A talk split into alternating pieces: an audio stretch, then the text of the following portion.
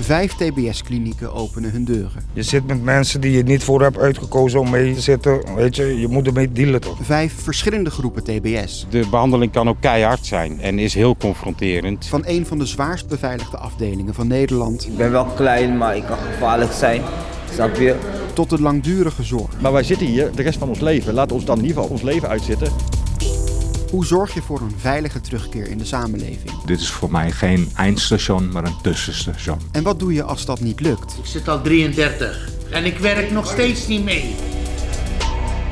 Voor personeel kan het werk slopend zijn. Zij kwam bij ons binnen, hij ging het gesprek niet aan en wij dachten alleen maar oké, en nu? Het vraagt wel wat van je om hier, eh, om hier je werk te kunnen doen, dat klopt. Vijf klinieken, vijf groepen. Het nieuwe seizoen van TBS bij Karo en CRV en NPO Radio 1.